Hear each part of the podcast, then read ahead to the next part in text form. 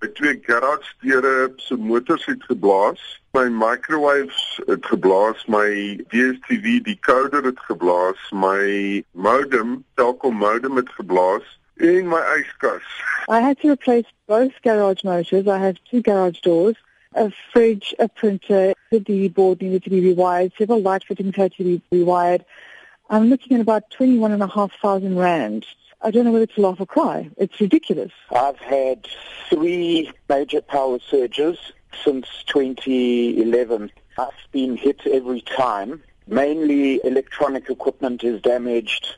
I would say on average about 5 to 10,000 rands damage each time. Dis geen grap as 380 volt deur 'n buur trek weens kragoorlading nie. Frikkie Botus is die koördineerder van die gemeenskapsforum Concerned Citizens of Westin wat hy verlede jaar gestig het. Hy het reeds meer as 40 mense wat saam met hom wil hof toe gaan. Die eerste wat ons kan doen is om 'n klasaksie te begin teen City Power want ons het probeer praat en om hulle te kry om ons skade te betaal en niks gebeur nie. Oor die 400 huise is al uh, geaffekteer daardeur. Dit is as gevolg van die kragkabel diefstal wat gereeld hierso plaasvind en uh City Power wat nie hulle kragbokse behoorlik sluit nie. En die mense is nou heeltemal gatvol laat uh, ons so moet sukkel want niemand het daai geld om die hele tyd uit te betaal nie en versekeringsmaatskappye wil nie daarvoor betaal nie. So ek skakel na die versekeringsbank wat my versekerings doen, Standard Bank. Sy sê hulle vir my hulle is verskriklik jammer maar hulle doen nie power surges nie. Dis nie deel van hulle polis nie. Ek betaal R600 'n maand net vir die gebou en die huis. Nie eens vir die inhoud nie, net vir die gebouversekering. Die aktrise Joda Silva kla egter dat jy as verbruiker steeds gepenaliseer word al betaal jou versekeringsmaatskappy uit. For example, I'm with Outsurance and you get an out bonus if you haven't made any claims. So even my Outsurance bonus is lost because I've had to make claims to Outsurance in order to get things up and running. I've now been without a fridge for seven days. It's a ridiculous situation to be in in a country that is supposedly running well. Daar gaan iets gebeur met die boksie. Dit was verlede jaar Oktober al die waarskuwing wat Piet Jacobs aan Johannesburg se City Power gegee het. Jacobs woon net langs aan een van Westin se subkraghouers waarvan die slotte gereeld gebreek word. Die gevolg, 'n patroon van kabeldiefstal.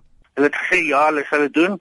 Hulle is weg. Hulle het dit nooit kom doen nie. Toe was dit net seker omtrent 'n week daarna.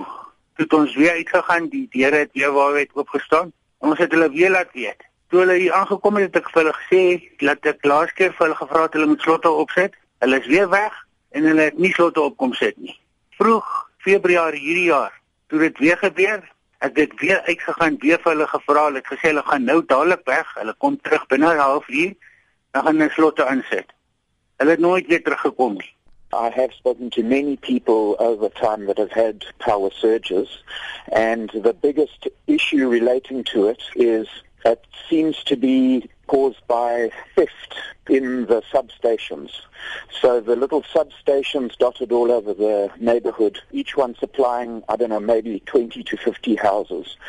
Thieves break in there and they either steal what they call the buzz bar or power out of that, and then suddenly your electricity supply then becomes unstable and goes up to 380 volts. En dis die frustrasie wat maak Napier wat al 15 jaar lank in Westin woon, laat saamstem. 'n Klasgeding teen die Johannesburgse Metroraad is die enigste oplossing. Look, I've wanted to push a class action lawsuit for some time. The point with that class action lawsuit is it takes quite a bit of organization. It's going to take money from the people that participate. And from our point of view, we want to try and make that as little as possible because the lawyer would make money from the success of the lawsuit. Verander is dit die irriterende klein jakkalsies wat voortspruit uit die kroniese kabeldiefstal wat die meeste pla. Vir 3 dae kon ek nie eet in my huis nie. Ek moes op ander plekke gaan eet. Dit was 'n verskriklike verontrief. Ek dink nie net vir my nie, maar vir die hele buurt.